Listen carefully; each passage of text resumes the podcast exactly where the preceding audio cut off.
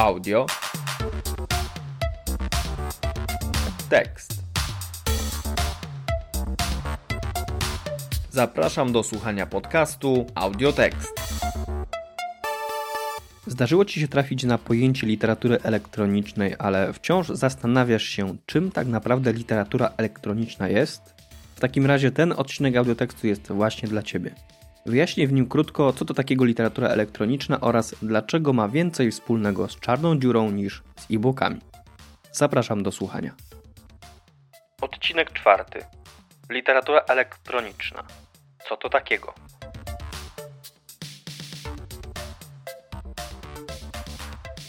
Zanim jednak przejdę do zasadniczej części tego odcinka, chciałbym przedstawić na początku pewne zastrzeżenia i założenia, które są istotne, żeby zrozumieć e, złożoność czy też problem związany z definicją pojęcia literatury elektronicznej. Między badaczami cały czas istnieje spór między tym, jak definiować literaturę elektroniczną, i definicje, które się pojawiają, ciągle są poddawane pewnym dyskusjom. Trzeba wziąć więc pod uwagę również kwestię płynności czy też procesualności pojęcia. Zatem to, co powiem, może okazać się wkrótce nieaktualne, a kto wie, może też będzie niepełne czy też niewystarczające. Zatem nie traktuj tego odcinka, po raz kolejny się usprawiedliwiam, jako pewnego wyczerpującego kompendium. Pojawiają się różne ujęcia, różne podejścia, są też różne pojęcia, które się stosuje. Pewnie też z tego powodu Scott Redberg w najnowszej książce wydanej w tym roku, zatytułowanej po prostu Electronic Literature, nie podaje konkretnych definicji, nie podaje konkretnego wyjaśnienia, czym literatura elektroniczna jest. Właściwie ogranicza się tylko do zaledwie trzystronicowego omówienia wcześniej formułowanych definicji. Często się mówi o literaturze elektronicznej, czasami pojawiają się określenia literatury cyfrowej, czasami się też mówi o cybertekstach, literaturze ergodycznej, technotekstach, utworach cyfrowych w ogóle, nie chodzi mi tutaj jednak o to, by rozstrzygać, która definicja jest odpowiednia i jakiego pojęcia używać. Chciałbym jednak pokrótce nakreślić, jak traktować czy jak rozumieć literaturę elektroniczną i jak nie mylić ją z formami, które literaturą elektroniczną nie są, a które takim potocznym, codziennym rozumieniu, odbiorze mogą być właśnie tak odbierane. Kiedy pojawiło się pojęcie literatury elektronicznej? Istotnym rokiem jest tutaj rok 1999, kiedy powołano do życia Electronic Literature Organization, czyli znaną Ci już z poprzedniego odcinka Światową Organizację Literatury Elektronicznej, ponieważ od tamtego czasu termin literatury elektronicznej wchodzi do szerszego użycia. Oczywiście on funkcjonował znacznie wcześniej, ale wtedy jak gdyby został usankcjonowany poprzez to, że właśnie powstała instytucja czy organizacja, która w swojej nazwie ma to pojęcie. Jak zaznacza Lori Emerson w swoim krótkim tekście z 2011 roku, to pojawienie się tego pojęcia w tej nazwie to zarówno proces instytucjonalizacji pojęcia, jak i istotny ruch ku budowaniu się społeczności wokół tego pojęcia. Kolejnym ważnym rokiem, jedni mówią o roku 2007, ale myślę, że rok 2008 byłby tutaj zasadniejszy, ponieważ wówczas ukazuje się książka Katrin Hiles, o której wspominałem w poprzednim odcinku, e, kiedy omawiałem trzy generacje literatury elektronicznej. Powtórzę, książka zatytułowana Electronic Literature New Horizons for the Literary. Wcześniej zacznie można powiedzieć o roku 1965, kiedy Ted Nelson sformułował pojęcie hipertekstu, czy w ogóle systemu Xanadu. Mówię o tym dlatego, że przed terminem, przed pojawieniem się terminu Electronic Literature, popularnym terminem było hypertext fiction po prostu. Jill Walker-Redberg w artykule z 2012 roku pisze, że przed 1999 rokiem większość sformułowań zawierających frazę literatura elektroniczna nie odnosiła się do tworów literackich. Z kolei Mark Bernstein w komentarzu pod jej artykułem na jej stronie autorskiej podaje, że książka Teda Nelsona zatytułowana Literary Machines z 1981 roku zawiera rozdział opisujący taki system e, i pojęcie decuplexu z punktu widzenia literatury elektronicznej. I sam termin, termin electronic literature pojawia się tam dwukrotnie, lecz w odniesieniu do literatury non-fiction. Istotne jest to, że Scott Redberg również w swojej książce tej e, z początku tego roku podaje, że początek lat 90. to początek cyrkulacji terminu literatury elektronicznej. Istotne jest również to, że w 2006 roku ukazuje się pierwszy zbiór Electronic Literature Collection, e, czyli zbioru tekstów cyfrowych, tekstów literatury elektronicznej. I jak pisze Jill Walker-Redberg właśnie, dopiero po 2004 roku popularność używania terminu hypertext fiction słabnie przy ciągłym wzroście używania terminu electronic literature. Trzeba zwrócić jeszcze uwagę na jedną rzecz, o której e, piszą e, badacze literatury elektronicznej, a mianowicie na przejście od pytania co, czyli czym jest literatura elektroniczna, czego dotyczy, od definiowania jej samej, przez pytanie gdzie, czyli na przykład pytanie, gdzie funkcjonuje, gdzie jest jej środowisko, a więc próba udowodnienia jej istnienia oraz wyznaczenie konkretnego miejsca, które zajmuje, wyznaczenie pewnych granic, przejście do pytania jak, czyli jak działa, jak funkcjonuje, jak wygląda jej produkcja, dystrybucja i odbiór itd. Tak itd. Tak pytanie jak jest więc zwrotem w kierunku procesualnego podejścia do literatury elektronicznej, a więc uznania jej zmienności, płynności, niestabilności, zarówno właściwie mm, uznania tych wszystkich e, cech, zarówno pojęcia, jak i samej istoty literatury elektronicznej. Ta literatura zmienia się tak dynamicznie, że nie można uchwycić jej samej. Można jedynie zrobić pewną stopklatkę, której się przyjrzymy, lecz to tylko ograniczony obraz, tak? bo jest uchwycony w pewnym odcinku, w pewnym okresie, czy w pewnym ograniczonym zakresie. To trochę jak badanie rozszerzającego się wszechświata, czy też czarnych dziur, co do których niewiele wiemy, Wiemy, że istnieją, ale nie wiemy do końca jak, a właściwie nie mamy pewności, czy to, co widzimy, jeszcze istnieje i czy wygląda w ogóle tak, jak nam się wydaje. Dlatego też literatura elektroniczna ma więcej wspólnego z czarnymi dziurami. Literatura elektroniczna. Co to takiego? Chcąc jednak krótko zdefiniować literaturę elektroniczną, trzeba przywołać jedno bardzo ważne kryterium, które pojawia się właściwie w każdej definicji, czy jest najczęstszym takim elementem, na który trzeba zwrócić uwagę szczególną. Jest to mianowicie kryterium digital born, czyli fakt, że literatura elektroniczna musi mieć swój cyfrowy rodowód. Musi powstawać i funkcjonować w środowisku cyfrowym. Definicja HALS brzmi następująco. Przykładem literatury elektronicznej jest utwór o istotnych aspektach literackich, który wykorzystuje możliwości i konteksty dostarczane przez komputer podłączony lub nie podłączony do sieci. To jest e, definicja, która najczęściej się pojawia, chociaż ona jest teraz współcześnie podważana i przez wielu dyskutowana. Warto chociażby w tym przypadku przywołać stanowisko Roberto Simanowskiego, który w książce z 2011 roku zwrócił uwagę, że definicja HALS odnosi się w znacznie większym stopniu do obszaru cyfrowego, w którym literatura elektroniczna się znajduje, niż do samej charakterystyki tej literatury. Sam Simanowski zresztą używa terminu literatury cyfrowej, ponieważ jak twierdzi, sformułowanie to odnosi się do określonej technologii, czego termin literatury elektronicznej nie może zagwarantować. Twierdzi ponadto, że najczęstszym nieporozumieniem przy definiowaniu tej literatury jest stwierdzenie, że każdy tekst pojawiający się w mediach cyfrowych jest literaturą cyfrową. Idąc dalej, Leonardo Flores słusznie zauważył, że jeżeli chcemy zrozumieć, czym jest literatura elektroniczna, powinniśmy też zmienić nasze rozumienie tego, czym jest współcześnie komputer. Mario Aquilina w artykule z 2017 roku pisze, że nie sposób bronić definicji literatury elektronicznej powiązanej z medium komputera, ponieważ już patrząc na same kategorie utworów z trzeciej kolekcji literatury elektronicznej, widać wyraźnie zainteresowanie platformami charakterystycznymi dla urządzeń mobilnych, np. Twitterem.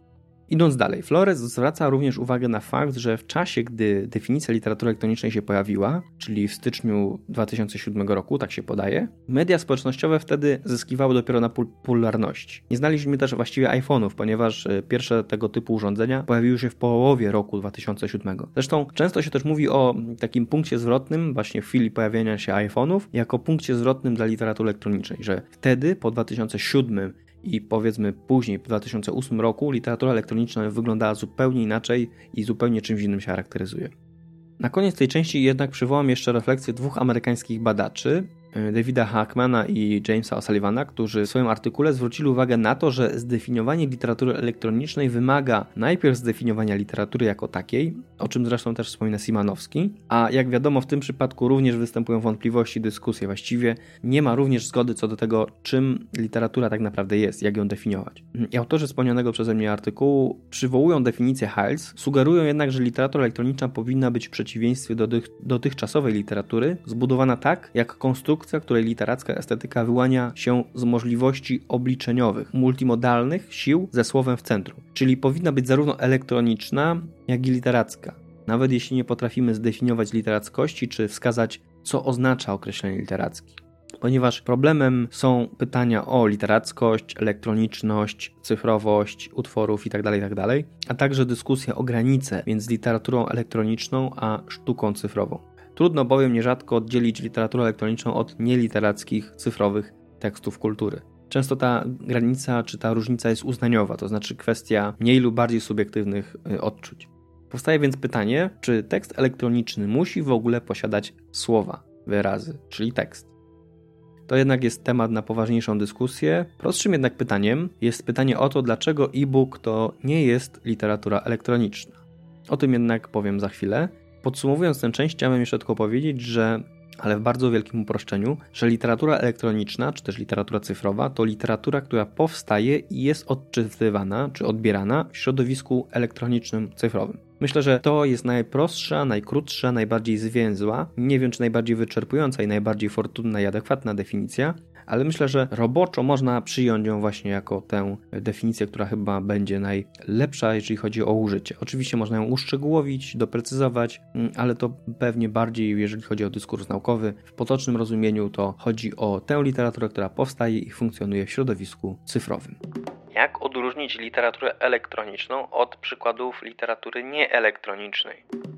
Myślę, że takim najbardziej sprawdzonym kryterium będzie kwestia przekładalności na inne media czy na inne formaty. Literatury elektronicznej nie da się przenieść poza środowisko cyfrowe, nie da się jej na przykład wydrukować. Nie da się opowiedzieć historii bez tych wszystkich możliwości, jakie wykorzystuje się w środowisku cyfrowym. Co prawda istnieją teksty cyfrowe, które zostały wydrukowane, czy też teksty drukowane, które zostały przeniesione do środowiska cyfrowego. To są jednak przykłady graniczne, sporne. W pierwszym przypadku tekst traci swoją cyfrowość, a więc staje się właściwie drukowaną wersją tekstu elektronicznego. W drugim przypadku tekst zyskuje cyfrowość i w zależności od stopnia i zakresu dokonanych zmian może być adaptacją lub samodzielnym tekstem. Wówczas trzeba go różnie odbierać i różnie rozpatrywać. To jest e, też dosyć skomplikowana, złożona sprawa. E-book to nie jest literatura elektroniczna, to nawet nie jest elektroniczna książka. Kwestia, czy to książka, czy nie książka, to jest zupełnie inna kwestia. Mam nadzieję, że również do tego wrócę, ponieważ jest to opowieść na zupełnie inny odcinek.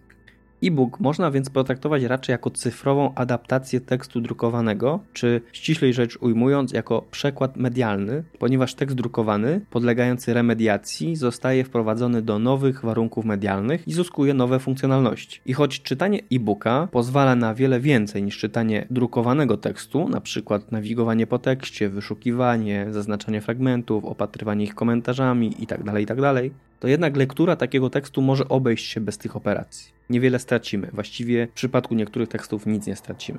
Pewnie pamiętasz książkę Jacka Dukaja Starość Axolotla, która mm, ukazała się w 2015 roku. To akurat ciekawy przykład tego, jak marketingowo próbuje się sprzedać coś, co z założenia miało być literaturą elektroniczną, a ostatecznie okazało się raczej jej ubogą namiastką, czy może zaryzykuje stwierdzenie karykaturą. Książka powstała tylko w wersji cyfrowej, nie miała swojego materialnego nośnika, nie została wydrukowana, wokół której zbudowano aurę nowego wymiaru książki. Myślę, że raczej to powinniśmy potraktować jako ciekawostkę czy przykład, jak reklama może nakręcić niewyobrażalny hype na to, jak funkcjonuje tekst literacki, czy jak wygląda wydarzenie literackie, jakim jest premiera nowej książki znanego pisarza. Podsumowując, e-book nie jest przykładem literatury elektronicznej, ponieważ jeżeli przestanie stanowić jedynie cyfrową wersję tekstu drukowanego, stanie się czymś nowym. Jeżeli e-book będzie miał pewne funkcjonalności, będzie wykorzystywał możliwości komputera i na przykład, nie wiem, zyska jakąś interaktywność, to już przestanie być e, standardowym czy typowym e-bookiem, będzie już czymś więcej, więc wtedy też trzeba inaczej do niego podchodzić. Ale to też jest, właśnie to jest cały czas ta kwestia tego, że pewne kryteria są nieostre lub pewne podejście jest e, indywidualne, to znaczy nie da się tych pewnych rzeczy uprościć. Ja tutaj też dokonuję pewnego bardzo sporego uproszczenia i uogólnienia. Podsumowując już bardzo krótko, mm, ja się zastanawiam nad tym, czy powinniśmy mówić o literaturze elektronicznej, czy może raczej powinniśmy mówić o piśmiennictwie elektronicznym. Przeglądając różnego rodzaju przykłady, teksty, również naukowe, czasami mam wrażenie, że termin literatury elektronicznej nie odnosi się tylko do literatury rozumianej jako działalności artystycznej, lecz również, a może właściwie przede wszystkim, do wszystkich form piśmiennictwa. Zresztą angielskie słowo literature można otłumaczyć w dwojaki sposób jako literaturę i piśmiennictwo właśnie. Zatem może powinniśmy zamiast o literaturze elektronicznej, czy literaturze cyfrowej, bez względu na to, jak go nazwiemy, mówić o piśmiennictwie cyfrowym, elektronicznym itd. Tak jako szerokim spektrum praktyk związanych z językiem. Ja nie wiem, nie potrafię tego rozstrzygnąć, e, ale zostawiłem to na koniec, ponieważ chciałem Cię tutaj zostawić z pewnym otwartym zakończeniem i paroma pytaniami, na które możesz sobie samodzielnie odpowiedzieć. Zatem serdecznie Ci dziękuję za słuchanie tego odcinka, który wydaje mi się, że był jeszcze bardziej chaotyczny, jeszcze bardziej poplątany i mniej konkretny od poprzedniego, ale myślę, że dzięki temu otworzył on parę furtek do dyskusji, do której też Cię zapraszam. Mam nadzieję, że sprowokuje Cię to do samodzielnego poszukiwania informacji na temat literatury elektronicznej i jej rozumienia. Jeżeli masz pytania, pisz do mnie śmiało, możemy się skontaktować przez Facebooka. Przypominam, Elektrolitera. Zatem, jeżeli masz ochotę, pisz, komentuj, podrzucaj jakieś interesujące tematy, jeżeli tylko chcesz o czymś posłuchać. Chętnie przyjrzę się jakiemuś zagadnieniu, jeżeli tylko będę w stanie. A ja w tym czasie zastanowię się nad kolejnymi odcinkami i tak jak zapowiadałem na, na blogu, na, na Facebooku właściwie, przymierzę się do indywidualnego, powiedzmy autorskiego odczytywania tekstów cyfrowych, które ja akurat znam, na które wpadłem swego czasu, więc będą również odcinki poświęcone lekturom polegającym na czytaniu tekstów, więc Mam nadzieję, że to również będą ciekawe odcinki. Z mojej strony w tej chwili to wszystko. Jeszcze raz bardzo serdecznie dziękuję i do usłyszenia w kolejnym odcinku audiotekstu. W tym odcinku audiotekstu wykorzystałem muzykę na wolnych licencjach. Kevin MacLeod Fantazja Fantazja ze strony incompetech.com Kuni Koaleskę Digital Diamonds 2018 ze strony CCTracks.com Gaetano Fontanazza The Grand Palulabis Suku Music Genre 2018 ze strony cctracks.com Muzyka została wykorzystana na licencji Creative Commons.